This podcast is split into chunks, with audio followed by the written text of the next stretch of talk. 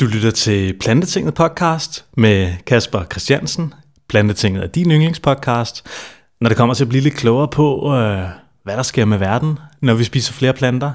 Hvad er det for en bevægelse, der er i gang lige nu med plantebaserede virksomheder og startups? Og det er faktisk det, vi skal snakke om i dagens podcast. Jeg har taget hele vejen til Stævns for at snakke med direktøren i plantedrikvirksomheden Dryk. Han hedder Christian Christensen, og øh, vi fik os en lille, øh, lidt over en time snak omkring deres nye virksomhed, som de altså launcher her om knap fire uger i december. De har en hel masse plantedrik på vej. Og plantedrik, det er altså det, vi virkelig kommer til at nørde med øh, de næste ja, en time og et kvarter, hvor øh, Christian fortæller om, hvordan han kom i gang med virksomheden, hvad plantedrik er, hvordan man udvikler det, og hvad det er for nogle typer af plantedrikke, vi ser på markedet i verden. Vi hører lidt om producenter, og så får vi også historien om, hvorfor Christian han øh, sagde et godt karrierejob op med en øh, fed bil og fed pension for at dedikere sig til noget større og grønnere. Så sindssygt fed podcast, jeg har klar til jer i dag. Jeg øh, glæder mig til at vise jer den. Lige inden vi går i gang, så skal jeg lave noget reklame for min gode ven, Niklas Tonnesen. Og Niklas, han øh, laver sådan en lille meditationsforløb. Du øh, sidder måske og tænker på, at du gerne vil i gang med at meditere, du vil gerne være bedre til det, du vil gerne gøre det noget mere, eller måske ved du slet ikke, hvad meditation er, jamen øh, så kan du tilmelde dig et fire ugers forløb med Niklas Tonnesen. Det starter den 7. november og fortsætter indtil den 11. december. Og øh, ja, det foregår i København. Om aftenen så øh, se og smut ind på niklastonnesen.com og find øh, hans meditationstilbud. Det er nogle rigtig fede klasser, han holder, og øh, jeg har selv deltaget i en af dem, og de har givet mig sindssygt meget, så øh, det synes jeg lige, du burde tjekke ud. Udover det, så har jeg også en masse andre samarbejdspartnere, som du kan tjekke inde på plantetinget.dk. Jeg har lige øh, redesignet hjemmesiden, så øh, den er lidt nemmere at finde rundt i, forhåbentlig. Men øh, ikke mere snak her. Jeg vil klippe over til den samtale, jeg havde med Christian Christensen. Jamen, øh, jeg har taget hele vejen til Sydsjælland for at mødes med en sindssygt spændende virksomhed, der hedder Dryk. Og jeg har mødtes med direktøren i Dryk, Christian Christensen. Velkommen i Plantetinget. Jeg siger tak. Og, vel, og velkommen til, faktisk ikke til Sydsjælland, du er faktisk på Stævns. Ah. Så du er, hvis man sådan skal prøve at sætte, uh, give os lidt lokation, så sidder vi, hvis vi kigger ud over vandet her, som vi kan gøre her fra, fra huset, hvor vi sidder, så kan vi faktisk se direkte op på Øresundsbroen. Ja. Sådan næsten stik nord. Øh, og så har vi København, cirka 25 km væk, lige over på den anden side af vandet. Men øh, det tager altså halvanden time at, at køre herned med tog, øh, som du har oplevet i dag. Ja. Og hvis man tager bilen herned, så tager det cirka en time. Ja. Så, men du er meget velkommen, og det glæder mig til at, at fortælle dig om, hvad vi laver. Ja, jeg har jo lige fået en, øh, en rundvisning ude på øh, jeres nye lager. Jeg har set jeres øh, lille sted her, hvor I bor og øh, skal til at drive virksomhed, og hvor I også driver virksomhed. Mm. Og så... Øh, har du vist mig rundt i al den natur, I også er omgivet af? Det er jo et fantastisk sted at være. Christian, vi skal jo til at snakke om det projekt, du har søsat. Og det glæder mig sindssygt meget til at høre mere om. Jeg glæder mig til, at, at alle lytterne skal høre om det her, fordi det er, jeg synes, det er ret vildt. Men jeg tænkte på, inden vi begynder at snakke om det, kan du så ikke lige først fortælle om øh, din baggrund, og hvem du er, og hvor du kommer fra og sådan noget? Jo, altså du, du får lige den korte version. Øh, jeg, er, jeg er født og opvokset i Nordjylland. Øh, 25 km nord for Aalborg. Øh, der boede jeg indtil jeg var 17 år, og så havde jeg bare sådan en udlæggelse. Jeg synes bare, jeg trængte til at komme ud og, og se verden og opleve noget andet. Og så havnede jeg i, øh, i øh, København, øh, altså lidt af, af omveje, og øh, der var jeg nogle år i IT-branchen, så jeg ved en, en del om IT.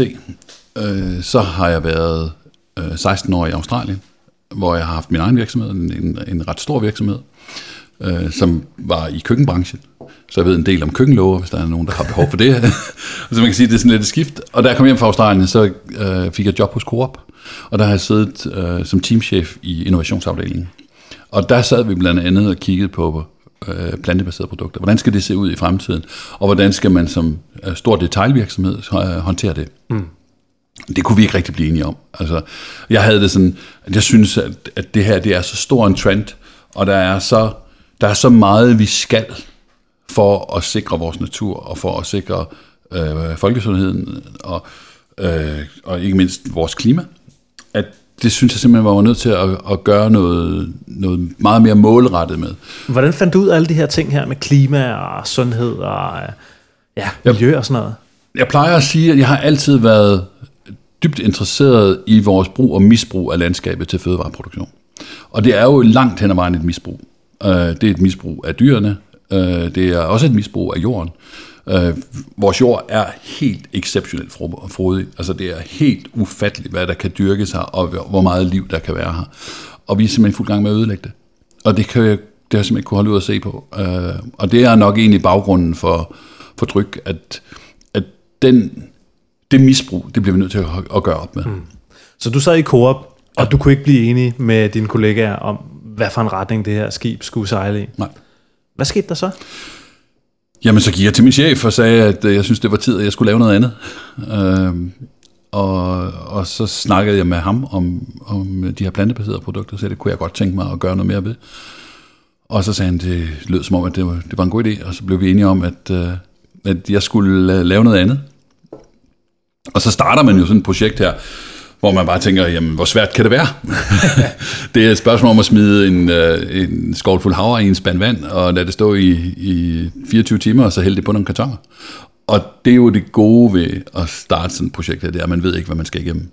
Øh, så det udvikler sig hele tiden, og man tænker, at det her det tager et halvt år, og nu, nu er det taget to år. Mm. Altså vi har, vi har lige passeret to år, siden jeg, jeg stoppede i Coop. Okay. Og øh, det har været en fantastisk rejse, og jeg, jeg ser på ingen måde tilbage og tænker, at jeg ville ønske, at jeg havde fundet på noget andet. Fordi der, ville jo, der er jo ikke noget, der er nemmere, end at bare få et job. Og jeg tænker, der, der måske nok var nogen et eller andet sted, der kunne bruge mig. Men det har handlet rigtig meget om det her med at gøre en forskel. Mm. Og involvere øh, helt almindelige mennesker i, i klimabevægelsen, og få dem til at se, at, at vi kan godt gøre noget. Mm. Og vi er nødt til at starte med små skridt, men Altså, der er selvfølgelig dem, som, som vi begge to kender, som tager den her beslutning om at, om at blive veganer fra den ene dag til den anden. Og det er en beslutning, man skal tage fra den ene dag til den anden. Men der kan godt være en rejse hen til den endelige beslutning.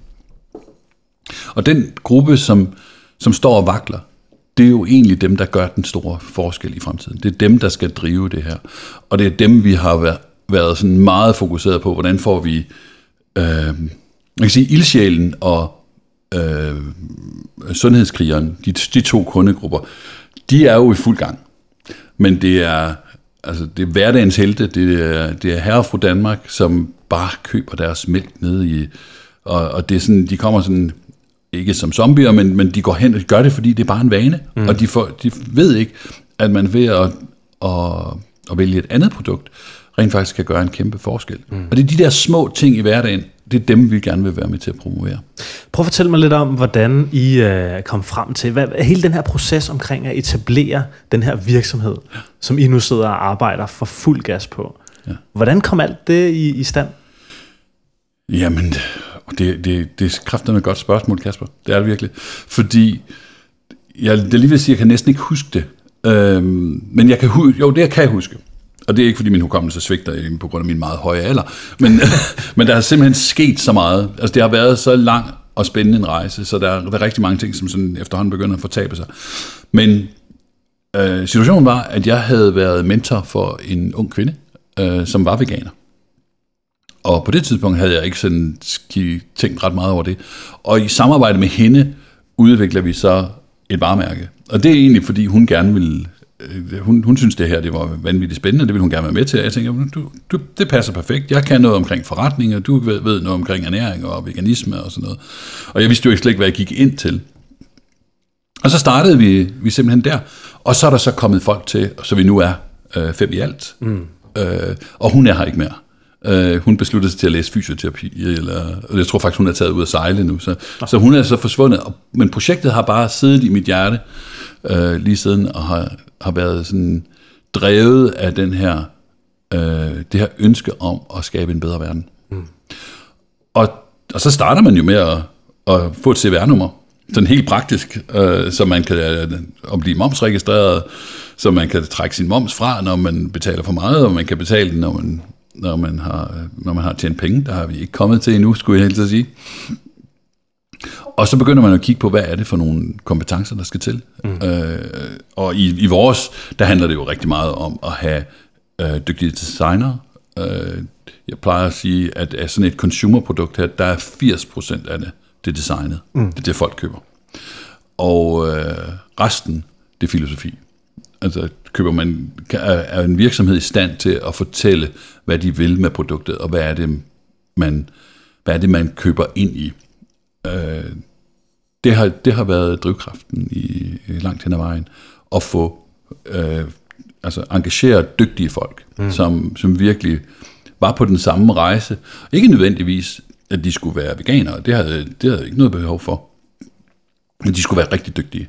Altså de skulle have bevist, at de, de kunne være med til at drive en brandproces.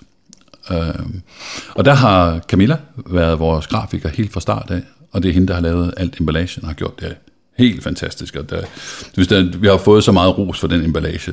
Uh, jeg, jeg tror aldrig, jeg har hørt nogen, der har sagt et negativt ord om den. Uh, men der er jo så også de færreste, der har haft den i hånden endnu. Ikke? Uh, så kom Brian og har også været med helt fra start. Brian har siddet i Korps CSR-afdelingen, hvor han har været ansvarlig for, for Korps Afrika-initiativ, og har siddet og, og lavet øh, det, der hedder Savannah. Og så har Marina, min bedre halvdel, som sidder i sofaen her og drikker kaffe sammen med Og hun har været med til at, at holde alle trådene sammen. Og så til allersidst her, er der kommet en, øh, en meget dygtig kvinde med, øh, som hedder Karina, øh, som har siddet også i Coop og været brandmanager på, på Coops masterbrand, altså på, på selve Coop-brandet. Øh, hvad er det, det signalerer? Hvad er det med, hvad, hvordan taler man til folk? Hvordan får man hvordan får folk til at synes, at Coop er fedt? Og det ved hun en masse om. Og der har vi været igennem en lang proces med hende, eller det har, det har føltes som en lang proces, men det er ikke, det er ikke fordi, sådan, hvis du tæller månederne, så er det ikke ret mange. Men, men hvis du kigger på processen fra, hvad der er sket med vores brand og vores selvopfattelse af vores brand og vores måde at, at tale til folk på, så er vi blevet meget mere skarpe på det. Mm. Altså, Må jeg så ikke lige høre det? Hvad er jeres brand, og hvad er jeres produkter? Ja. Sådan helt basically. Godt. Vi fremstiller øh, plantedrikke af høj kvalitet. Øh, og det kan jeg sige, at alle plantedrikke ikke er høj kvalitet. Øh, og det ved jeg, at vi kommer til at tale om senere, så den springer jeg lige, lige lidt, lidt elegant henover lige nu. Men, men vores produkter er havredrik, ærtedrik, øh, hampedrik, quinoa og boghvide. Øh, de første fire produkter, de er på vej. Der kommer mange, mange tusind liter om fire uger. Øh, og der kommer en, øh, en havre, en normal havredrik, som øh, man, man nok kender fra butikkerne. Øh, og der kommer en havre barista, og så kommer der en ærtedrik og en ærtebarista. Så det er de første fire. På grund af afgiftssystemet i Danmark, så kan vi desværre ikke lave vores kakaodrik, som du får lov at smage her i dag. Fedt. Øh, og jeg vil en påstand, at det er en af de allerbedste kakaodrikke, der nogensinde er lavet. Altså, det smager så sindssygt godt. Og nu, håber jeg så ikke, at du bagefter siger, ej, det her kan jeg faktisk ikke lide. Men, øhm, men, men vores marked er, er drikkevarer, erstatninger for mælk. Øh, vi vil gøre det let for øh, helt almindelige mennesker at lave det der skifte. Altså den der, det der lille hop i hverdagen fra den ene karton til den anden, øh, som gør det, øh, som gør en kæmpe forskel. Så mm. når, vi, når der er mange, der gør lidt, så opnår vi meget. Mm. Så. Fedt. Så det er, det er vores produkter. Ja. Og hvordan har I... Øh, altså, når man skal have sådan her produkt på markedet, og man skal ud med det, og man skal udvikle, og der sker en masse ting undervejs. Ja. Du, du fortalte før, at der er fire uger til der lander øh, 140.000 liter over i jeres nye lager. Ja. Hvad er det for noget, der lander over i jeres lager, og, og hvad skal der ske derfra? Jamen, øh, altså det kommer jo på paller. Vores produkt bliver produceret øh, hos en svensk virksomhed. Øh, vi har et øh, udvikling- og produktionssamarbejde med dem. Og det, det, det var nok sådan lidt en appelsin, der faldt ned i vores turban. Fordi vi havde jo de bedste intentioner om, at det her det skulle vi lave selv. Men det kan man simpelthen ikke. Altså det er, det er, for det første er det, så kræver det meget teknologi. Øh, et, et fuldt udbygget anlæg, som det, der står i Sverige, det koster cirka 100 millioner kroner. Hold da kæft, Dem havde vi så ikke lige stående på konto. øh, og jeg tror, selvom man havde den, så ville man nok ikke investere dem i sådan en virksomhed. Og jeg kan, det er meget, meget få producenter, der producerer deres egen. Altså det er der fem producenter i Europa, der gør. Øh, og hvis vi skal sætte navn på dem, Så er det Faser i Finland, det er dem, der laver Josa. Så er det øh, Transums i Sverige, øh, som er dem, der producerer for os. De producerer også for Oatly og for Sprout og en hel masse andre. Jeg kommer tilbage til, hvorfor vores er, er anderledes end de andre. Så er det øh, Alpro i Belgien, som producerer blandt andet for Naturlig, øh, så deres produkter kommer dernede fra. Så er det noget, der hedder Framptons i England, som producerer øh, blandt andet den, der hedder Good Hemp, som nogen måske kender. Øh, så, så det er helt normalt det her med, at man går ud og finder en, en producent, som passer til ens øh, øh, temperament, kan man sige. Mm. Og så er der en, en tysk producent, som vi ikke kender. Okay. Vi ved bare, den er der. Jeg har, det er simpelthen ikke lykkedes mig at finde den. Og så er der noget, der hedder The Bridge i Italien. Og de producerer, øh, eller associerede virksomheder til dem, producerer blandt andet spir og øh, nogle af de der andre produkter, som er lavet som private label. Mm. Som egentlig ikke kommunikerer ret meget. Det er bare en, det er bare en havredrik, der mm. bliver stillet på bordet. Mm. Øhm, så det er de fem producenter, og jeg ved så, der er en mere. Så, så der er seks producenter i Europa. Og det er jo tankevækkende, når vi alene i Danmark producerer 5,6 milliarder liter mælk om året, som vi i løbet af de næste 25 år formentlig skal konvertere til plantebaseret. Så, øh, og, og det her med, at, at man køber et produkt af en brandejer, som vi jo er. Altså vi, vi ejer dryk, det er, det er vores øh, varemærke, og, øh, og det man i virkeligheden bør kigge på, det er, hvad er det den brandejer vil med det her? Og rigtig mange, de vil ikke noget, de vil bare sælge et produkt. Øh, og der kan man jo tage alle private label produkterne, øh, som står i, i supermarkederne. Det er jo nogle produkter, de laver, fordi de kan se, at der er en høj betalingsvillighed mm. hos kunderne. De er fuldstændig ligeglade med, hvad der er i karton. Det, det, det er mindre vigtigt. De skal bare have et produkt, som de kan sælge og, og tjene så meget på som overhovedet muligt. Så, så er der de her master brands, altså de, de, dem, der er individuelle brands, og øh, der er vi en af dem. Josa er en anden. Øh, øh, hvad hedder de? Øh, naturlig er, er selvfølgelig også øh, et, et stærkt brand. Jeg kender jo øvrigt Henrik ret godt, og jeg sidder i en bestyrelse sammen med ham. Så, og, og jeg ser på ingen måde naturligt som en konkurrent til os. Tværtimod. Altså jeg ser dem, øh, der, der er ingen, der kan bære sådan et marked her alene. Mm. Det skal man simpelthen være øh, x antal virksomheder for at gøre. Mm. Øh, fordi ellers så kommer man til at sidde med hele opgaven alene. Det, det er simpelthen for stor en opgave mm. i, i sådan en, en disruption af en hel industri, som vi er i gang med. Hvad er det for, prøv at fortælle mig lidt om den her disruption af industrien. Hvad er det, du ser ske, Christian? Jamen, det, er, det, det tror jeg er tydeligt for de fleste, at den her veganerbølge, eller veganismebølge, og, eller plantebaseret bølge, den ruller jo hen over verden. Øh, og det går så stærkt, så der er ikke nogen, der kan følge med. Altså, vi har ventet i otte måneder på at få, få plads til, eller for at komme ind i en produktionscyklus. Og der, der er to megatrends i verden lige nu. Den ene er veganisme, og den anden er yoga. Så de to ting, de må, hænger, hænger nok sammen på en eller anden måde. Ja. Og så er, er vi på vej til at gå fra at være en, fra, man kan sige, 90'ernes egoister, Altså, hvor det handlede om mig. Hvor meget kan jeg rave til mig? Kan jeg få en Ferrari, så er jeg glad. Og hvis du ikke kan få en Ferrari, så det æder man bare synd for dig, men bare jeg får min, ikke? Og der er vi på vej over i noget, hvor vi, vi kigger meget mere ind i formål. Vi kigger meget mere i, hvad kan vi gøre? Hvor, hvor kan vi danne fællesskaber? Hvordan kan vi danne, Hvordan kan vi gøre noget for hinanden og med hinanden? Og det kan man jo også se i, i det politiske system, at der kommer de her skifter rundt omkring, altså hvor det har været, øh, vi har haft den her højre drejning i, i politik, hvor vi nu er faktisk er, i hvert fald det er meget tydeligt i Danmark, at vi er på vej helt over i en anden retning. Og hvad er det, politikerne taler om i dag? Det er øh, stort klima. set klima. Klima, klima, altså, klima, klima, klima, klima, ja. klima, klima. Og, og den, den bølge, den er kun lige startet, for mm. alle begynder at kunne se det. Mm. Vi mister vores insekter, vi mister vores biodiversitet. Øh, altså, der er så mange udfordringer, som skal løses her.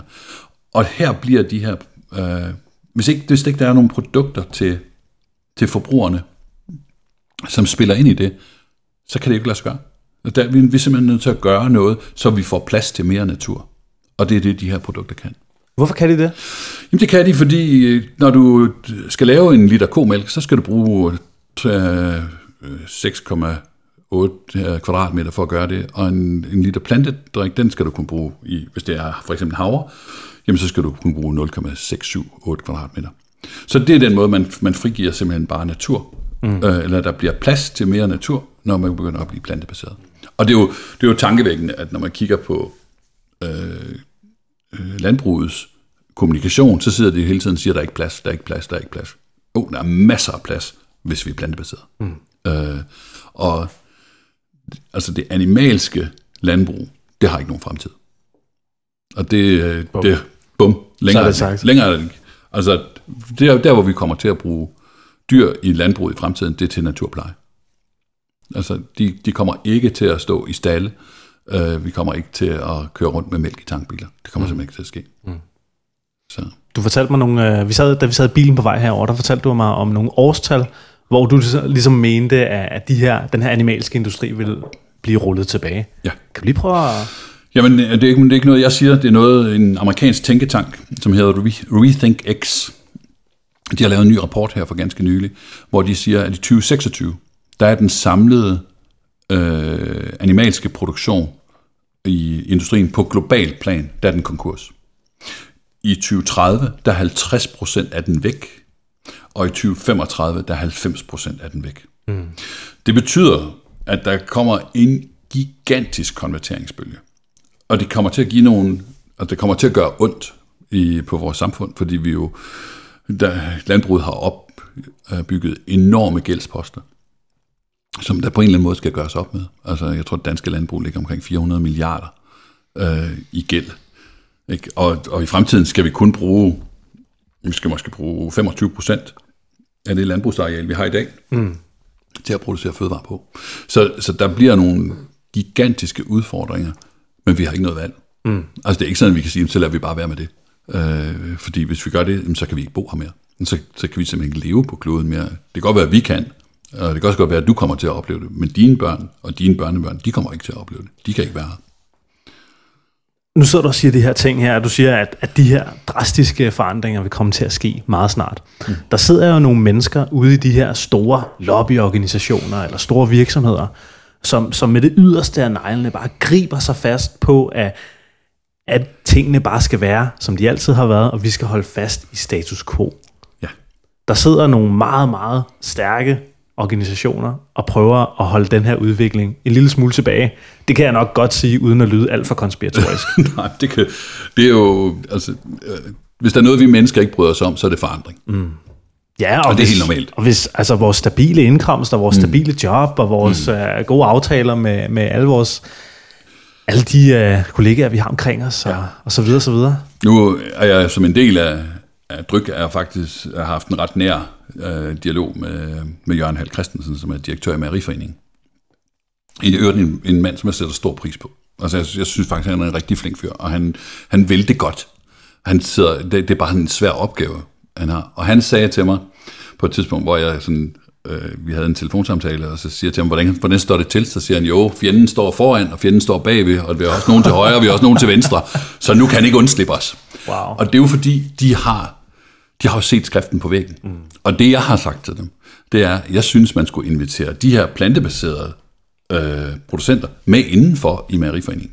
Altså, hjæl, lad os hjælpe mejerierne med at lave det her skift. Mm. Fordi ellers så står de alene med den. Så kommer de til at stå lige så alene, som vi gør.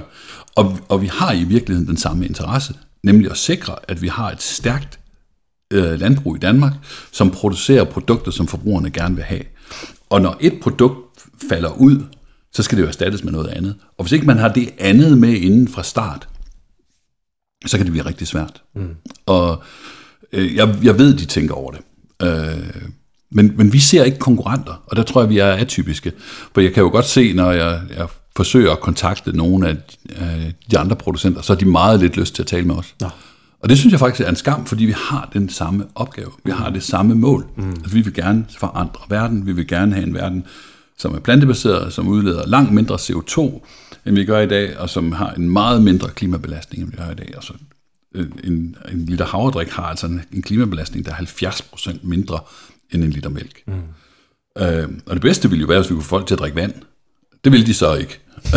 og vand i kaffe, det er der jo noget af, men øh, hvis man putter mere i, så bliver det altså noget sjask. så, så, så på en eller anden måde skal vi spille ind i det, folk kender. Mm. Så mindre konkurrence, mere samarbejde? Mere, øh, meget mere samarbejde, mm. og meget tættere dialog.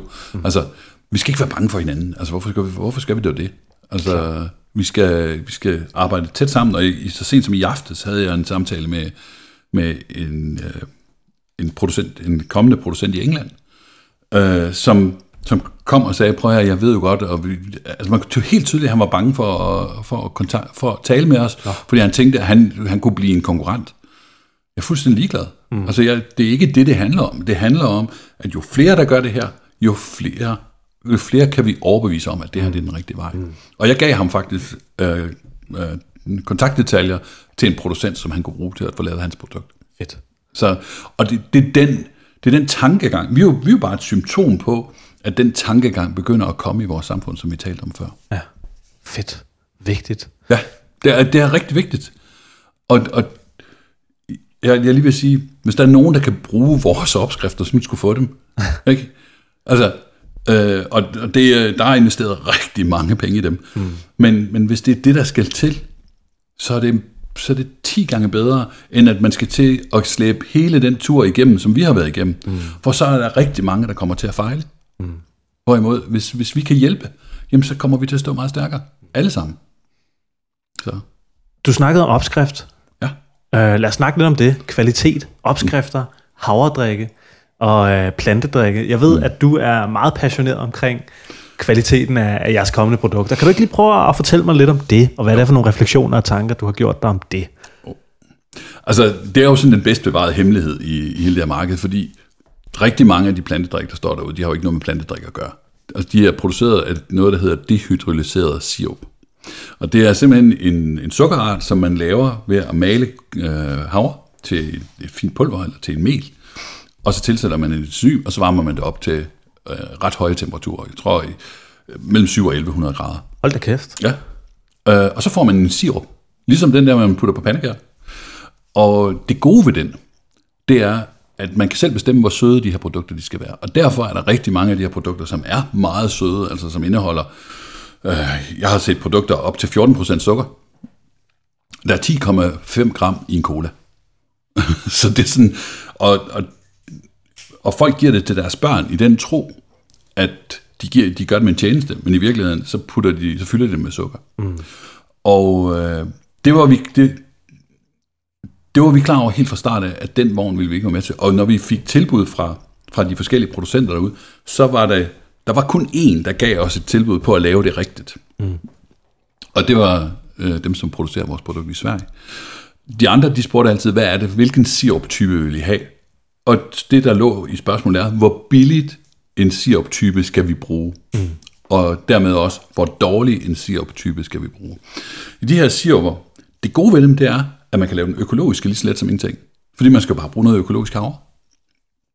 Øh, man skal... Øh, øh, og når man laver dem økologiske, så må man ikke tilsætte vitaminer, mineraler og calcium og, øh, og sådan noget. Så man ender med et produkt, som består af sirup, øh, vand, salt og olie. Det er det, der er i den. Og hvis man kigger på deres ingredienslister, så er de meget, meget korte. Det er sådan nogle, øh, der er kun de der fem punkter. Og det er jo ikke derfor, vi gør det. Vi gør det jo, fordi at de her produkter også skal bidrage med noget til vores sundhed.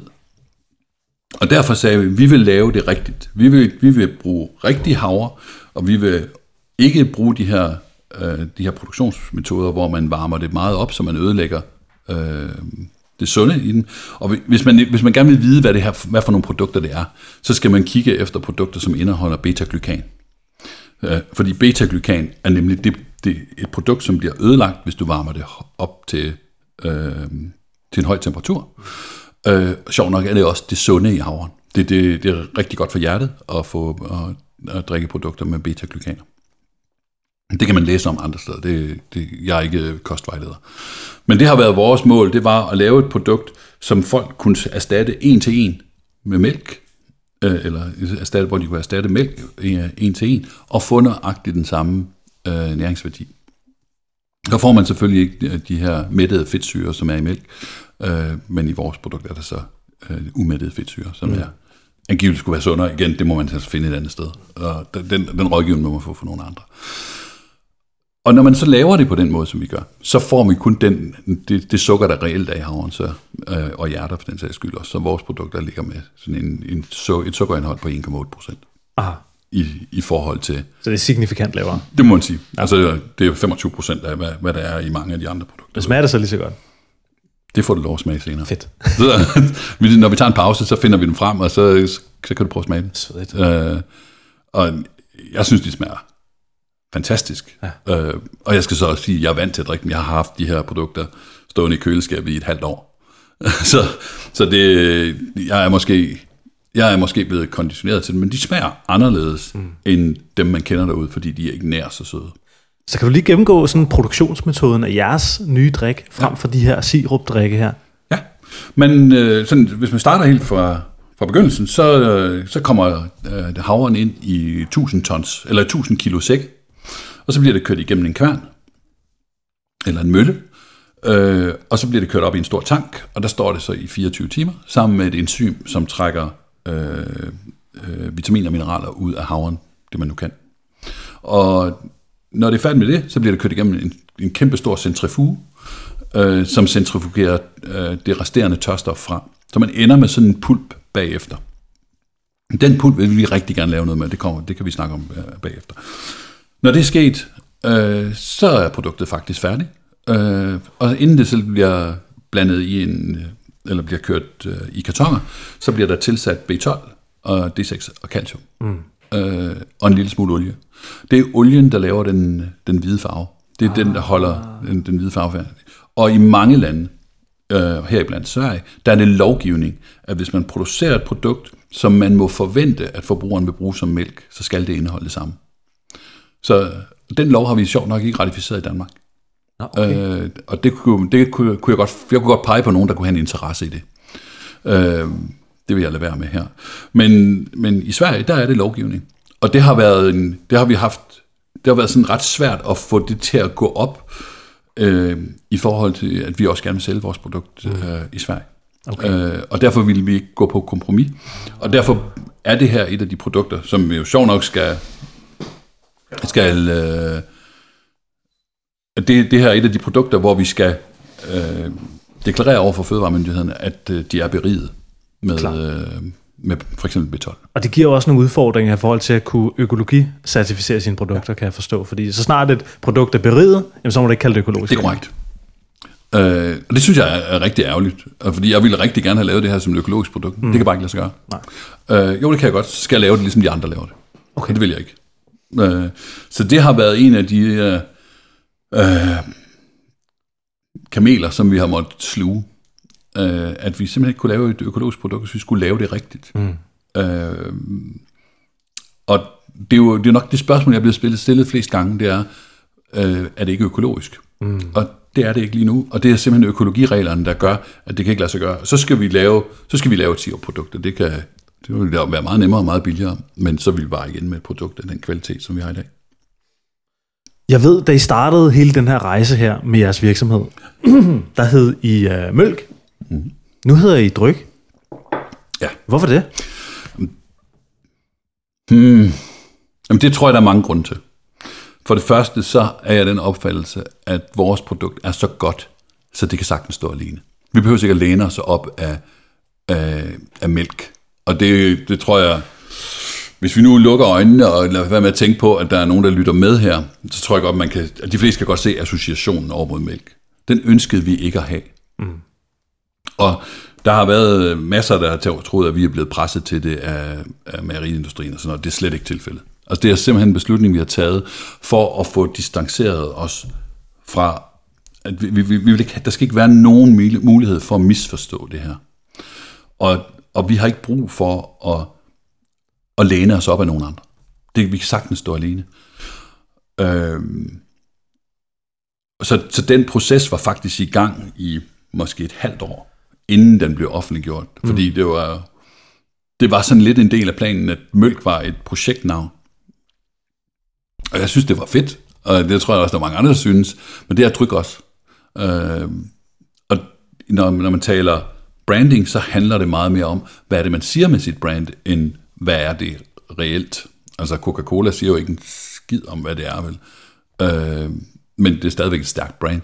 Klar. Så, så den, det der med at bygge et brand, det handler egentlig ikke så meget om, hvad man, hvor man starter hen. Det handler bare om at have en filosofi om, hvordan hvordan skal man gøre det. Så derfor, derfor tog vi den beslutning, og i, jeg vil så også, jeg, jeg skal være ærlig og sige, at min bekymring var også, at der var nogen et eller andet sted i verden, der kunne få ondt et vist sted af det. Og vi er ikke sat i verden for at slås med øh, marierne, mm. eller nogen andre for den sags skyld. Mm. Vi er sat i verden for at levere produkter af høj kvalitet, som gør, gør, at folk kommer, føler, at de er lidt tættere på naturen, lidt tættere på sig selv, og at de gør en forskel. Det er det, vi gerne vil. Og vi kommer ikke til at gøre en forskel ved at stå nede i en retssal og bruge dyre penge på at, og, øh, at overbevise en dommer om, at vi godt må sælge vores produkt, fordi det hedder noget specielt. Mm. Så laver vi bare det om. Mm. Og, og det har simpelthen været, været ideen med det, eller bevæggrunden for det. Og så tror jeg da helt bestemt, at Mejeriforeningen og mejerierne sådan generelt synes, at det var en rigtig god idé. Uh, uden at jeg har diskuteret det med dem, og, og som jeg, jeg har nævnt før, så kender jeg dem udmærket. Ja. Uh, men, men det har ikke været det, der har været bevæggrunden. Ja. Der er en anden, øh, en anden virksomhed, som jeg også har haft fat i, som jeg ved også har bokset lidt med, med mig i Riforeningen. Mm. Jeg har også gerne vil have, have, have ham ind i, i podcasten. Det tror jeg også, han kommer på et mm. tidspunkt. Uh, han har også måttet ændre navn. Ja. Uh, og øh, ja, det, jeg synes bare, det er meget sjovt at se, at han, øh, han lige pludselig ændrede navn, og så ændrede I også navn, og så tænkte jeg, nå, okay. Ja, der kunne godt, det kunne godt se ud, som om der var en sammenhæng, men ja. det var der altså ikke. Okay. Jeg, jeg tror, at den, øh, den sag er anderledes, okay. for jeg kender den selvfølgelig godt. Ja. Og når man, som øh, jeg tror, det var Henrik Lund øh, fra Naturligt, der sagde det, øh, da vi mødtes til, til en bestyrelsesmøde for ikke længe siden, han sagde, hvis man selv placerer sin røv i klaskehøjde, så må man forvente, at man står alene med at løse den opgave. Og, og kalde sit firma noget med mælk direkte, det er simpelthen opskriften på, hvordan man får ballade. Og det, det kan jeg på en eller anden måde godt forstå. Jeg, jeg, jeg synes, det er mærkeligt, at man ikke må have lov til at kalde det plantemælk. Det, altså, hvorfor, hvem, hvem, men det er der nogen. Det, det er nu engang lovgivning, og mm. det må man rette sig efter. Mm. Og hvis man går ind på den arena, så beder man om at få problemer. Og der, der havde jeg ikke lyst til at stå. Altså, vi kan sagtens stå alene. Mm. Vi kan sagtens gøre det her, uden at, at være på øh, kollisionskurs med andre. Du sidder i bestyrelsen den her plantebranche her, som du lige er uh, henvist til før. Ja. Hvordan går det med den? Det går skide godt. Uh, vi får nye medlemmer hele tiden. Jeg tror, vi er nærmere os 30 medlemmer. Mm. Og uh, det er... Altså, det er, jo, det er jo en helt utrolig vigtig opgave, og, og vi har været instrumental i at, at drive den helt fra start. Øh, det er ikke os, der har fået ideen. Øh, det har Dragsbæk, og det skal de have kado for. Dragsbæk ejer jo naturligt, mm. øh, og Orkla ejer Dragsbæk, så det er sådan, der er sådan et, et uh, sammenfald der. Men man havde noget, der hed Mejeriforeningen. Øh, Margarine. Ma- Margarineforeningen. og den havde efterhånden kun et medlem. og, og det var Dragsbæk. Så, så de ville gerne noget andet, og, og de synes også, at deres produkt var blevet sådan lidt, det var blevet, måske blevet nedgraderet øh, mere end det egentlig fortjener. Og så har, tror jeg, uden at jeg ret mig, hvis jeg tager fejl, men jeg tror, at de laver naturligt smørbar. Det, ville være ret nærliggende at tro, at de gjorde det. Og så kunne man begynde at se, at her er der noget, og så i takt med, at naturligt eksploderede på, på, på deres andre forretningsmodeller, så begyndte man at se, at der er simpelthen behov for, at vi snakker sammen og, om, øh, om, om hvordan skal det her marked se ud i fremtiden. Og vi har bare nogle fælles udfordringer, mm. som er dybt frustrerende. Øh, og hvor vi kan ikke løse dem selv. Det tror jeg heller ikke naturligt kan. Altså jeg tror simpelthen, det er noget, hvor vi er nødt til at stå sammen. Og det er blandt andet det her med, at, at de her plantebaserede produkter bliver jo, jeg lige vil sige, diskrimineret i en grad, som man bare tænker, det kan simpelthen ikke være rigtigt. Mm. Altså det kan ikke være rigtigt, at en, en Mathilde kakaomælk betaler man, tror 34 øre i, i afgift på, og en øh, dryk kakaomælk betaler man 26 kroner på. Altså det, ja, det, er, det, er simpelthen, det er simpelthen forkert. Mm. Øh, og, og det tror jeg ikke på, at vores politikere kan sidde overhøre i. Men jeg ved også, at det, det, det er ikke bare noget, man lige gør. Mm. Og det bliver vi simpelthen nødt til at stå sammen om. Øh, der er også andre steder, hvor jeg, hvor jeg ser den her diskriminering. For eksempel må man ikke have lave til, kan man ikke få lov til at lave en skolemælk, der er plantebaseret, til trods for, at vi ved, at de der unge mennesker, de rigtig, rigtig gerne vil have de her produkter. Mm. Så kan man sætte nogle kvalitetskrav på dem. Men det her med at bare sige, jamen det må kun være mælk, det er simpelthen ikke fair. Øh, og går man ind og kigger inde på Akselborg, så sidder der et stort fint skilt der står inde, hvor der står en halv liter mælk om dagen hele livet. Og jeg kan forsikre dig for, at hvis jeg lavede et tilsvarende skilt inde på Rådhuspladsen, jeg kunne køre det på Lysavisen, der, hvor jeg stod en halv liter plantedrik hver dag hele livet, så ville den gå 10 minutter, så var den lukket ned. Mm. Altså, og det vil, det vil simpelthen, og det er den der, hvor det bliver, altså, hvor, hvor man simpelthen kommer til at stå i vejen for den her grønne omstilling, som vi alle sammen godt ved skal ske. Mm. Og den, øh, det, det synes jeg, vi skal lave om. Og det skal den her nye brancheforening arbejde for. Hvordan ser du fremtiden for det her, for, for dig og din virksomhed og, og dryk og, og ja. det hele plantebaserede marked her?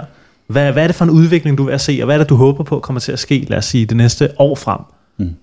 Altså for vores vedkommende, hvis vi starter der, så er, så, så er fremtiden at sætte flere gode produkter på markedet. Øh, linke op med, med forbrugere, som gerne vil den samme rejse, som vi vil. Og så, så det, det er sådan snævert synet fra, fra vores synspunkt. Vi, har ikke, vi skal ikke være en, en multimilliard forretning. Vi skal, være, vi skal have vores færre share af markedet, og, og vi skal have den del af forbrugerne, som værdsætter kvalitet. Mm. Øh, og det skal vi gøre til en pris, som er, er attraktiv, og som, som afspejler, at, at det er et andet produkt. Hvis man kigger sådan helt overordnet på det, så kommer vi til at se et marked, som kommer til at se fuldstændig anderledes ud. Jeg tror ikke engang, jeg har fantasi til at forestille dig. Jeg kan godt have en temmelig livlig fantasi i det, og nu er det så sagt i det offentlige rum her. Men øh, jeg tror, at vi har, vi har slet ikke fantasi til at forestille sig, hvor stor den her disruption bliver. Og hvor hurtigt det kommer til at gå. Altså, når man kigger på, på væksten i USA, øh, så, så er det jo gået sådan stille og roligt. Det har vokset sådan 10, 15, 20 procent indtil sidste år, mm. hvor det så pludselig voksede bare fuldstændig eksplosivt. Altså så eksplosivt, så, så Oatly er i gang med at bygge to helt nye fabrikker i USA. Vi sidder øh, fuld gang med at, at rekruttere en landeschef til USA. Altså det er et marked, som vi skal ind på. Mm. Øh, vi har fået forspørgseler fra Kina, fra Frankrig, fra Tyskland, fra England, øh, som som bare, hvor, hvor folk bare sidder, hvor der sidder virksomheder, som bare gerne vil have den her type produkter. Og i takt med, at der kommer flere produkter på markedet, og det er det her, der kan virke lidt underligt fra, øh, når man ser det udefra, og i takt med, at der kommer flere produkter på markedet, kommer der, er der også flere, der kommer til at konvertere. Og, det her, og kommer til at lave det her skift over imod plantebaseret. Og øh, jeg tror ikke Rethink X, som vi talte om før, Øh, jeg tror ikke, de tager fejl. Jeg tror, de er ret tæt på sandheden. Og når jeg siger det her i mit lokalområde, så tænker de jo, at jeg er sindssyg. Men de ved det godt. Altså, jeg har stået med en landmand for ikke ret lang tid siden, hvor, øh, hvor han siger til mig, at han har en ret stor kvægbesætning. Han sagde, jeg må simpelthen bare kende, at det, I gør, er det rigtige. Og jeg tror på, og jeg, jeg drillede ham med, og sagde, jeg tror, jeg kommer til at sælge mere mælk næste år, end du gør. og, øh, så, så, så det er meget svært at forestille sig, hvordan, hvordan ser en verden ud, som er plantebaseret? Altså, hvad er det for nogle virksomheder, der skal til? Altså, vi har 30 virksomheder i, i uh, plantebranchen lige nu, men om et år er vi 100, og om fem år, så er vi 5.000. Altså, alle virksomheder, der laver fødevarer, kommer til at forholde sig til, hvordan laver jeg et plantebaseret produkt.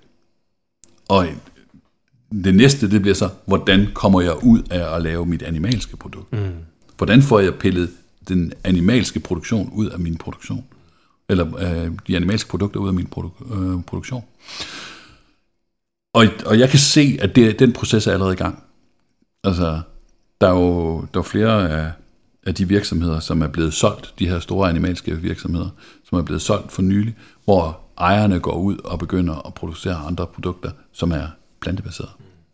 Der bliver investeret enorme beløb i at lave øh, plantebaserede kødprodukter. Og, og det samme kommer til at ske med drikkevarer. Vi kommer til at se en langt større diversitet i drikkevarer, end det vi har nu. Altså det er jo det er jo det er sådan tankevækkende. Jeg så en, en oversigt over samtlige brands øh, på global plan for, for en, en uge siden, eller sådan noget faldt jeg over den. Og der var øh, 11, der lavede ærtedrik på global plan. Og så var der, jeg tror, 22 eller 24 eller sådan noget, der laver havredrik på global plan. Prøv at forestille dig, hvor mange sodavandsbrands der er. Mm. Så, så vi skal have mange flere brands. Mm. Mange, mange flere brands, end vi har i dag. Og det, den, den proces kommer til at, at tage nogle år, men i takt med, hver gang der kommer en ny ind, så bør man jo simpelthen sende dem en, et takkekort og sige, hvor er det fedt, du kommer og hjælper med den her opgave. Fordi det er det, de her produkter skal gøre. Så, gav det mening? Det er, gav virkelig, virkelig god mening, synes jeg. Hvordan, øh, hvordan får man modet til at sige sit fede karrierejob med en lækker pension og alt sådan noget pis op? Og en blå Mercedes. og en, Mercedes firmabil og frokostordning og, og helt lortet. Hvordan får man modet til at, at sige, det gider jeg ikke mere, og så kaste sig ind i det her? Altså, hvad, hvad, hvad har fået dig til det, Christian? Hvad er det, der ligesom har, har flippet den kontakt ind i dig og sagt, jeg smider alt sikkerhed over bord for at satse på det her? Det ved jeg kraftigt ikke, Kasper jeg ved, det, er, det, er, det er det rigtige svar, det er, det ved jeg ikke. Jeg, tror, jeg tror ikke, jeg kan lade være. Jeg tror simpelthen, jeg tror simpelthen ikke, vi kan lade være. Altså, når vi, når vi taler sammen, så er, det, så er det det her drive over imod en bedre verden. Og jeg tror ikke, øh, det er noget med, at der bliver sådan en kontakt tændt, der siger, at det her bliver jeg nødt til at gøre noget ved. Øh, og jeg sidder og kigger på, jeg er så, jeg er så heldig, så jeg har et par børnebørn, øh, Lilly og Mathias.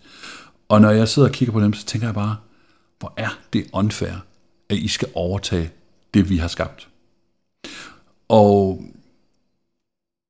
jeg tænker så tit på, at hvad vil jeg sige, hvis Lilly på et tidspunkt, som i dag er 6, 7, 8 år, øh, 6 år gammel, hvad vil jeg sige til hende, hvis hun kommer, når hun er 24 og siger, vil du være morfar? Jeg kan ikke få børn, fordi jeg har været udsat for pesticider, da jeg var barn. Hvad vil jeg så sige? Vil jeg sige til en, ja, ved du hvad, det vidste jeg faktisk godt. Og, øh, men du må også forstå, at vi skulle tjene penge. Eller vil jeg sige, ved du hvad, det er rigtig ked af min skat. Og, øh, men du skal vide, at jeg gjorde alt, hvad jeg kunne. Og det er den, det, det er det, der dør. Det, øh, det er jeg slet ikke i tvivl om, at, at den, jeg vil ikke kunne, jeg vil simpelthen ikke kunne se mig selv i øjnene, jeg bliver sådan helt, det, det rammer mig virkelig ikke. Altså, jeg, vil, jeg vil rigtig gerne have, at hun skal vokse op i en verden, hvor hun kan leve uden at være påvirket af alt muligt skrammel, som kommer i vores drikkevand, i vores, i vores produkter. Og, øh, så det er drivkraften. Og, og det er ikke kun for hende. Altså det er jo, det er jo for alle. Det er jo, der er jo ikke nogen af os, der fortjener det. Jeg, jeg tror ikke, du har børn. Nej. Så, men jeg tror, jeg tror godt, du kan følge mig i den.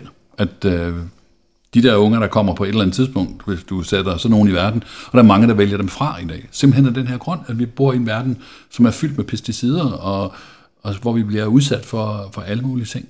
Det må vi simpelthen stoppe med. Mm.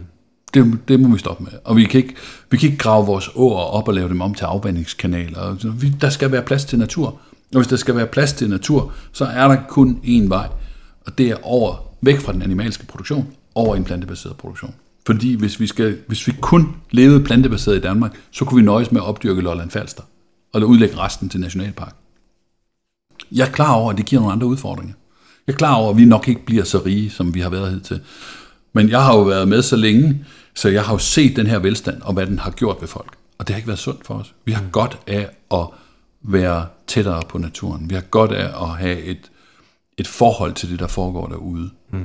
Og det kan man ikke have, hvis man hele tiden går rundt og er bange. Og vi har alt muligt grund til at være bange for vores klima, for vores vand, for vores fremtid. Og det synes jeg, vi skal stoppe med. Nu siger du tættere på naturen. Du, øh, jeg ved ikke, om det er noget, du vil løfte sløret for nu, ja. men jeg fik lige en rundvisning her. Ja. Hvad er det for nogle ting, I gerne vil lave her på det her område her? Jamen det her sted er jo, er jo et fantastisk sted. Det tror jeg, det, det, det har du set. Altså det ligger øh, ude midt i Gjørslev Bøgeskov. Øh, vi har 12 km til den nærmeste købmand. og vi har 25 km til København. altså det, det, det, er sådan, ja, det, er det er lidt vildt i luftlinje den vej. og øh, det her øh, stedet her er en, øh, et gammelt fiskerleje. Det var aktivt indtil 2004, hvor den sidste fisker døde, som boede her. Huset her er bygget i 1872, og, og bærer præg af det. Ikke? Øh, der er revner i loftet og sådan noget, men det er renoveret, og vi er i gang, vi har fået sat nyt køkken ind og sådan noget.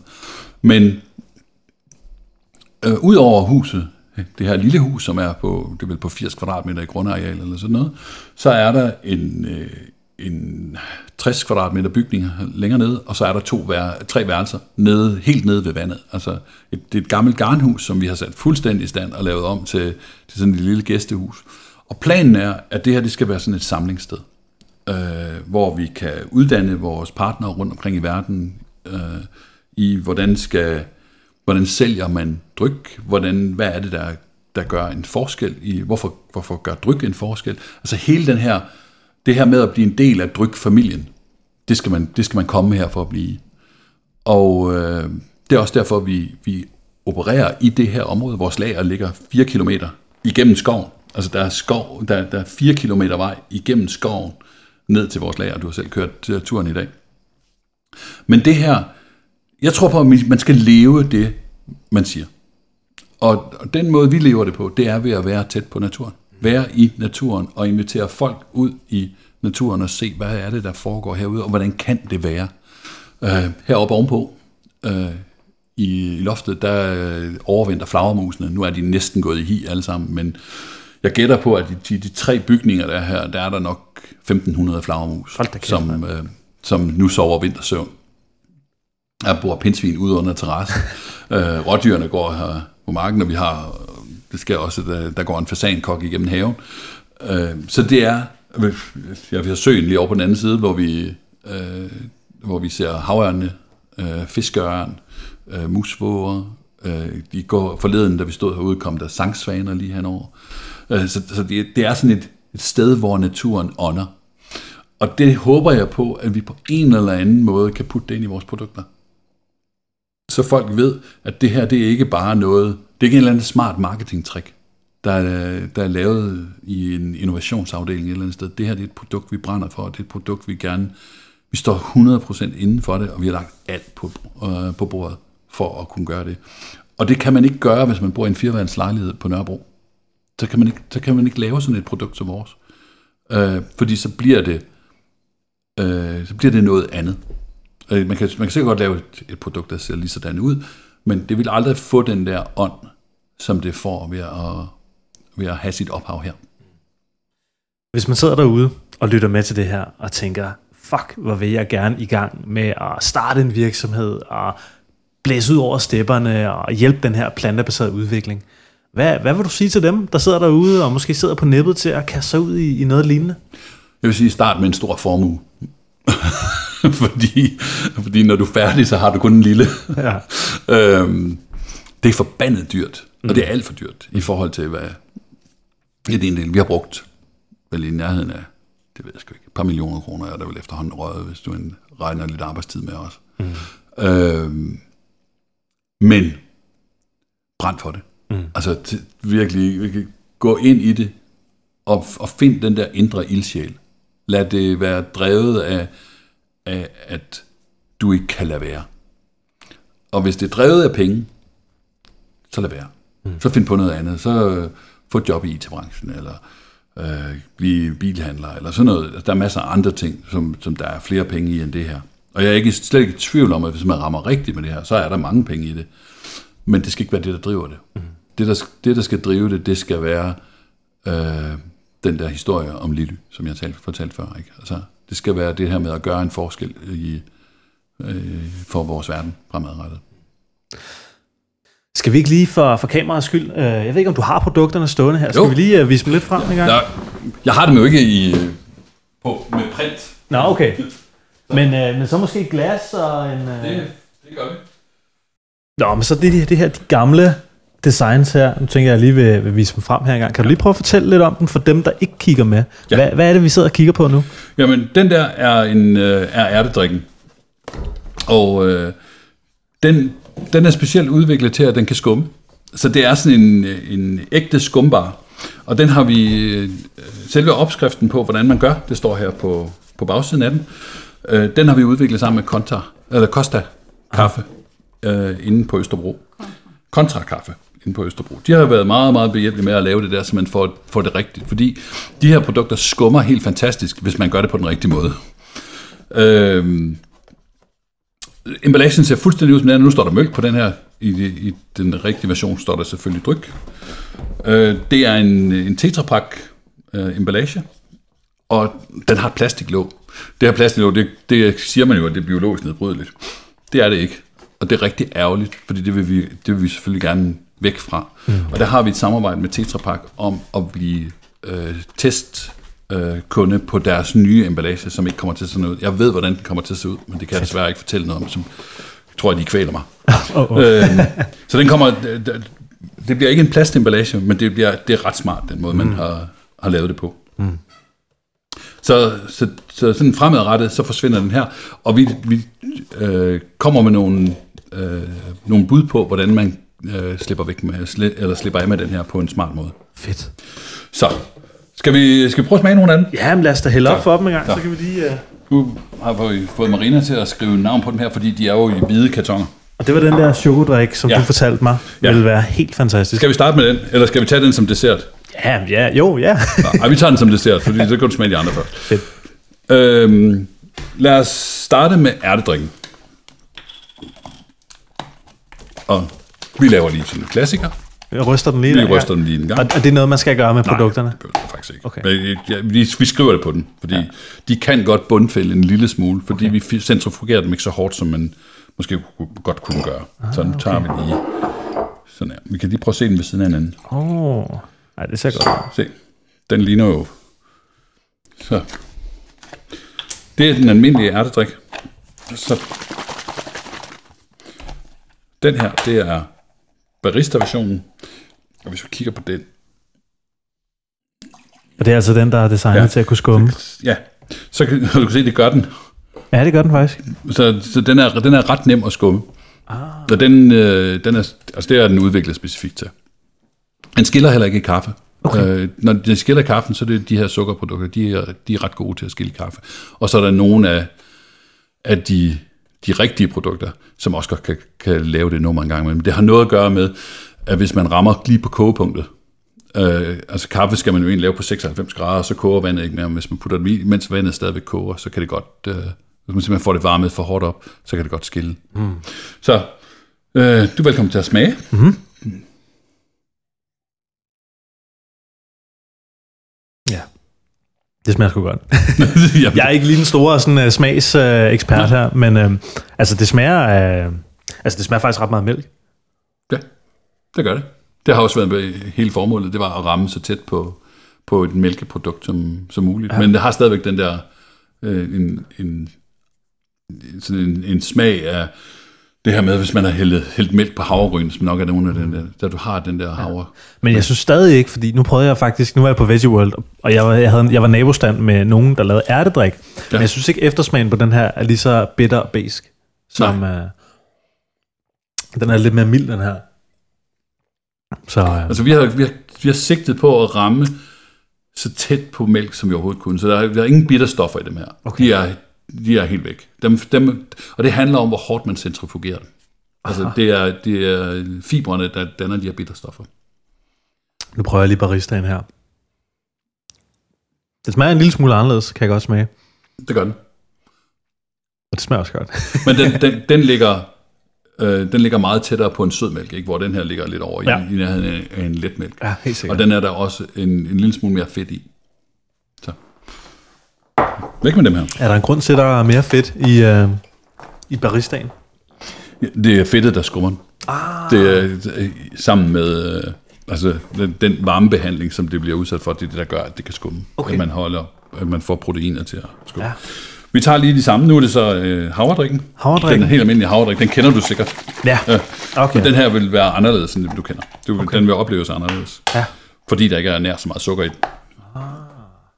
Og det glæder mig til. Mm. Det er den, du har snakket så meget om. Den hopper jeg lige med på. Den, ja. Det vil jeg nemlig godt. Fedt, fedt, fedt, fedt. Så. Og så tager vi lige barista-versionen også. Vise op til kameraet her engang. Ja. Øh, hvor har vi den? Der har vi der. Læg med dem. Så nu bliver der hældt en uh, almindelig havredryk op Ja, og ja. en havrebarista op. Ja. Og her kan du se, her er der faktisk en farveforskel. Nu er jeg ved at vælte mikrofonen her. Så kan du se, at den er, den er lidt mørkere. Skal jeg lige have vendt den en gang? Ja, det her, nu- det er Ja, øh, normalt. Det er normalt, og det her det er baristaen. Ja. Og det er fordi, her er der lidt flere fibre i, Aha, og vi, vi bruger faktisk også det yderste af kernen, okay. øh, hvor normalt så afskaller man det, men det gør vi ikke her. Ah, Så. okay. Skål. Skål!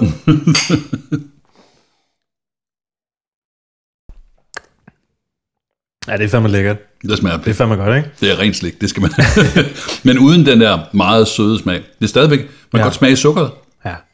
øh, men det er jo kun en, en betydeligt lavere sukker, end, end det du oplever i, i ja, de sirupsversioner, der er derude. Ja. Jamen, det smager, det smager faktisk skide godt, det her. Du må gerne sige det var andet, hvis du, hvis du er den opfattelse, men Nej, men jeg synes, øh, jeg synes den her, den, den har sådan lidt mere... Øh, nu ville det selvfølgelig være, det ville nok være bedre, hvis jeg kunne sammenligne med nogle andre havredrik, der lige stod her. ja. Øh, det kan måske være, at man skulle gøre det i et andet program, eller til en anden gang. Men øh, jeg synes virkelig, den har en fyldig smag. Altså, den har et bredt smagsspektrum, hvis Sådan. jeg kan sige det. Så. Og det er så baristaen. Og, den, og hvis du ser den, så, så laver den den der. Altså, Får den er ligesom gardiner. en, ligesom en letmælk, eller ligesom en sødmælk. Ikke? Ja, den får gode gardiner på, ja. på siderne der. Mm. Ja, det er også godt. Men der kan jeg godt smage det der, du siger med, der, der er skaller i. Den har sådan lidt mere øh, rå smag, ikke? Ja. ja. Men du får ikke den der fedtede smag, som man får ved, ved mælkeprodukter. Man kan godt smage, at der er, der er lidt flere fibre i den. ja. Øhm, Det smager pisse godt. Kæft, det smager godt. vi snakkede om at lave sådan nogle, et system, hvor man inde på vores hjemmeside, når man bestiller sit abonnement, så kunne man bestille en label, så der kunne stå, den her drikker far af om natten. Ja. så vi kan vist godt bruge vores, øh, Vores glas igen vores her. glas her, fordi nu, blander, nu tager vi bare og tager en, øh, en ærte øh, kakao. En ærte-chokodrik. Ja. Og hvad så, hvad, som, som du sagde før, så kommer der til at være nogle udfordringer med den her chokoladeafgift her. Ja, Så, så de bliver måske ikke bliver... så aktuelle. De bliver ikke markedsført i Danmark fra start af, Okay. fordi det, så kommer den til at koste 70 kroner. det er sådan, øh, fuldstændig grotesk, Ja, det tror, jeg, det tror jeg ikke, der er nogen, uanset hvor engageret man er, så tror jeg ikke, der er nogen, der vil betale 70 kroner for den. Og vi skal ud, øh, øh, det, vil, det vil være meget, meget, meget, meget dyrt for os at, at have den stående ja. øh, på lager, fordi vi skal jo afregne afgiften, uanset om den bliver solgt eller ej. Hold da kæft, mand. Vi starter lige med at se på forskellen på dem, fordi de ser faktisk ret forskellige ud. Ja, den er lidt bleg, den der Ja. ærte-choko der. Sådan. Og så tager vi lige den anden, så, og så rykker vi dem lige herud, hvis så de står ved siden af hinanden. Og Så der kan du se, den her ser helt anderledes ud. Ja, hold da kæft. Den er mørkere. Ja. Og du skal nok få nogen med hjem. Ja, yeah. Så jeg er spændt på, hvad du synes. ja men det Altså, er det er jo, ærten, der er den lyse, og havren, der er den mørke det er her. Og vores mål har lavet, været at lave en, der var en mørk chokolade og en lys chokolade. Ah, selvfølgelig. Mm. Selvfølgelig. Jeg prøver den lyse først her. Ja. Så det er den. Altså, den lugter kraftigt af chokolade. Ja, hold da kæft, mand. Der er knald på. Det, man bliver virkelig overrasket over, hvor, hvor meget smag der er. Ikke? Ja, det er virkelig godt.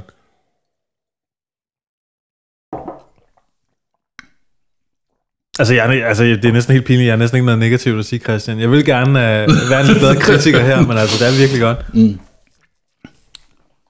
Ej, men det er virkelig godt. Hold da kæft. Nå, men det var Det sagde ærtedrik. jeg til dig, da vi Men startede. Ikke? Den, den smager ikke af ærtedrik, vil jeg sige. nej, Der nej, nej du- den, det, er jo så, det er jo helt overdøvet af, af chokoladen. Det er en chokoladedrik, Ja. men med meget mindre sukker og meget mindre fedt. Wow. Og hvad, hvad, hvad, altså, det skal bare være sådan en drik, som man kan bruge til at, til at nyde. Altså, jeg tænker Lumumba. Numumba. Lumumba. Lumumba. Altså med, øh, hvad er det, man putter i med Lumumba? Nå, sådan en drink. det er en drink, ja. Ja. Altså, men men den, det, er jo en, det er jo ligesom, man drikker en, en uh, Mathilde kakao. Ja, ja, ja. Og så er det den mørke her, havren. Havre kakao. Ja, det er fandme også godt.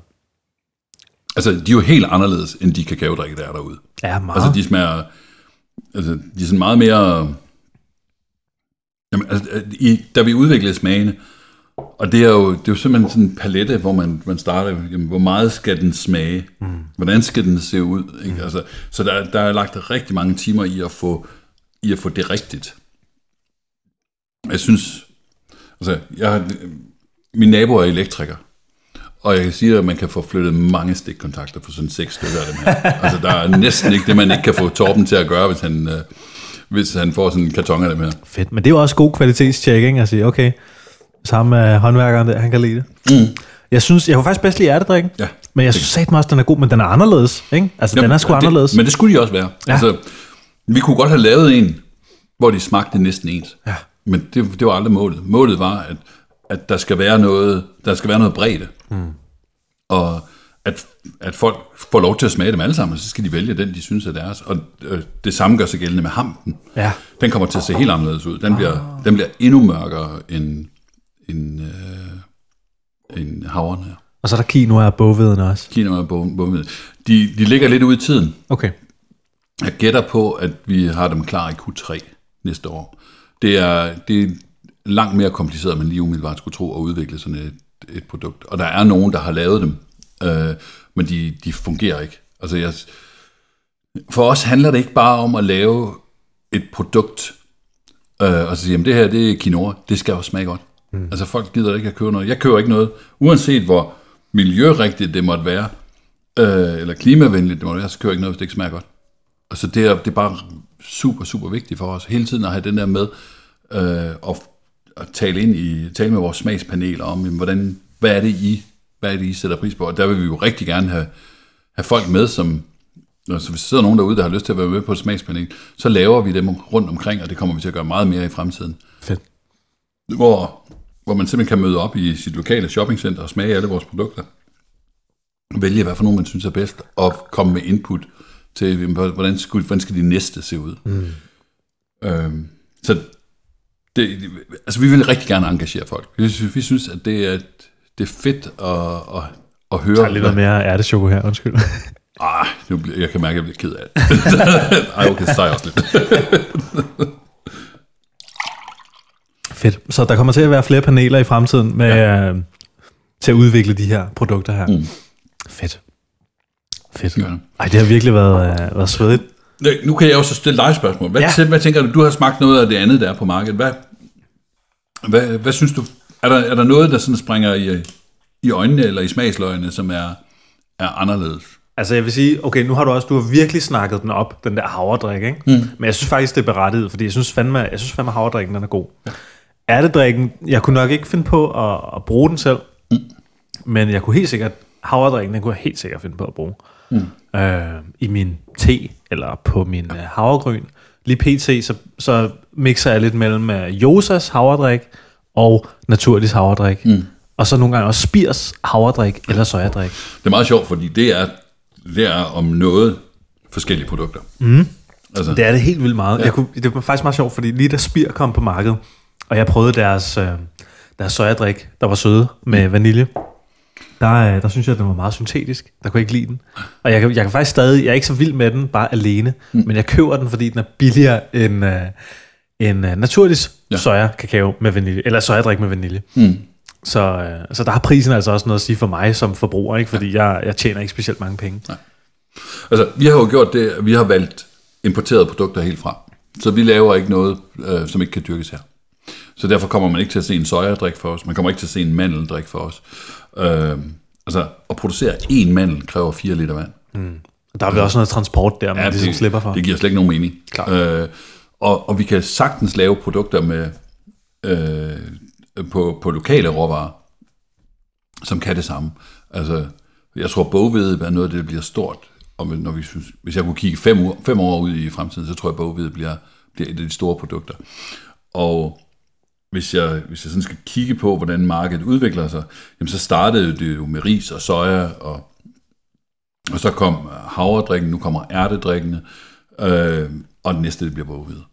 Øh, og jeg er slet ikke i tvivl om, og jeg, jeg synes faktisk, jeg begynder at se det allerede ude i butikkerne, at soja og, og øh, risdrikke, de begynder lige stille at forsvinde. Mm. Ja.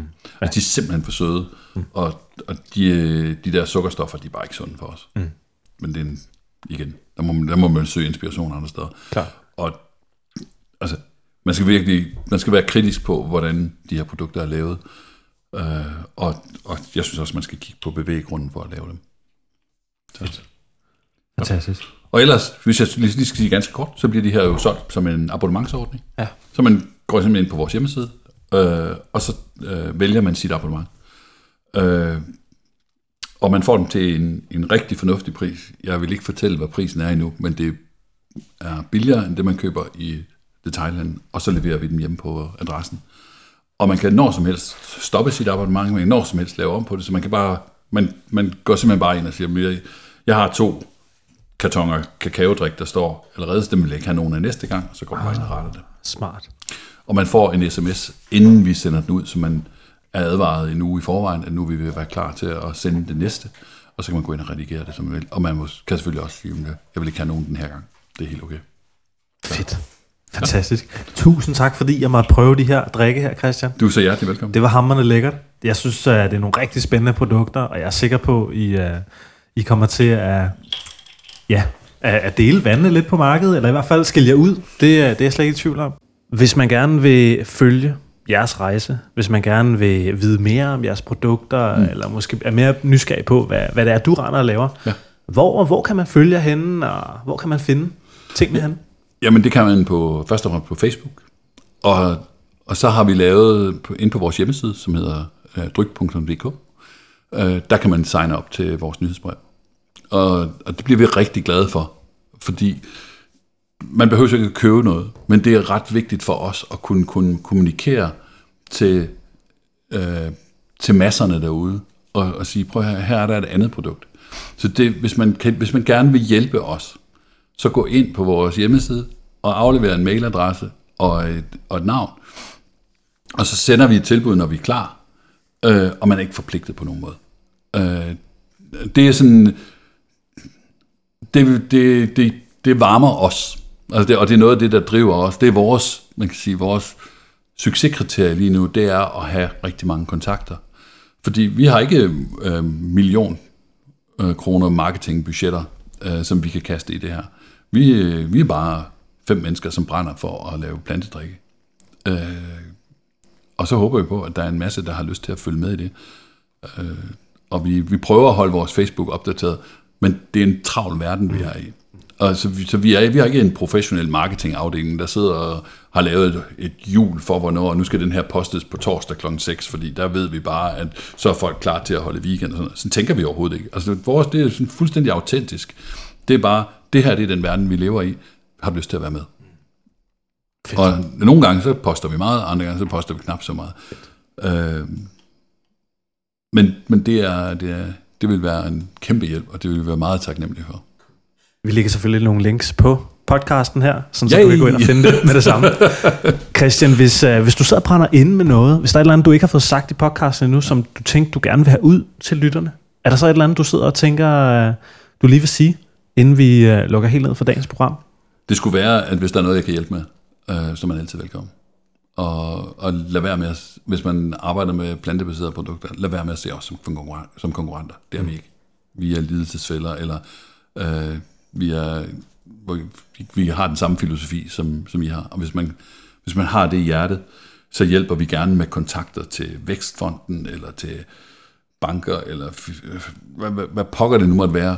Altså, man kan altid få et godt råd, det koster ingenting. Øh, og jeg håber, at der er, der er mange, der vil benytte sig af, fordi det er virkelig velment og velkommen. Christian Christensen, tusind tak, fordi du vil være med i Planetinget. Jamen, meget gerne. Det har været en fornøjelse at have dig på besøg, og jeg håber, du vil kigge forbi igen, når vi er, er længere frem. Helt sikkert. Det er en aftale. Det siger vi. Fedt, fedt, fedt, fedt. Og øh, du lyttede altså til Plantetinget podcast, din yndlingspodcast om at spise lidt flere planter og have det lidt mere fedt. Vi udkommer selvfølgelig på iTunes, på Google Podcast, Apple Podcast, alle de andre podcastprogrammer. Der kan du altid finde Plantetinget. Jeg håber, du vil følge os på Facebook. Jeg håber, du vil følge på Instagram. Jeg håber, du vil dele øh, et screenshot, hvis du sidder og lytter til det her og tænker, fuck mand, Christian og Kasper og Dryk, det er sindssygt spændende. Del det på din Instagram-story, og fortæl dine venner om det. Fortæl, at der er et nyt produkt på vej her om knap fire uger, så øh, stikker det fuldstændig af. Så øh, håber jeg bare, du får en dejlig dag. Kan du have det godt? Hej hej.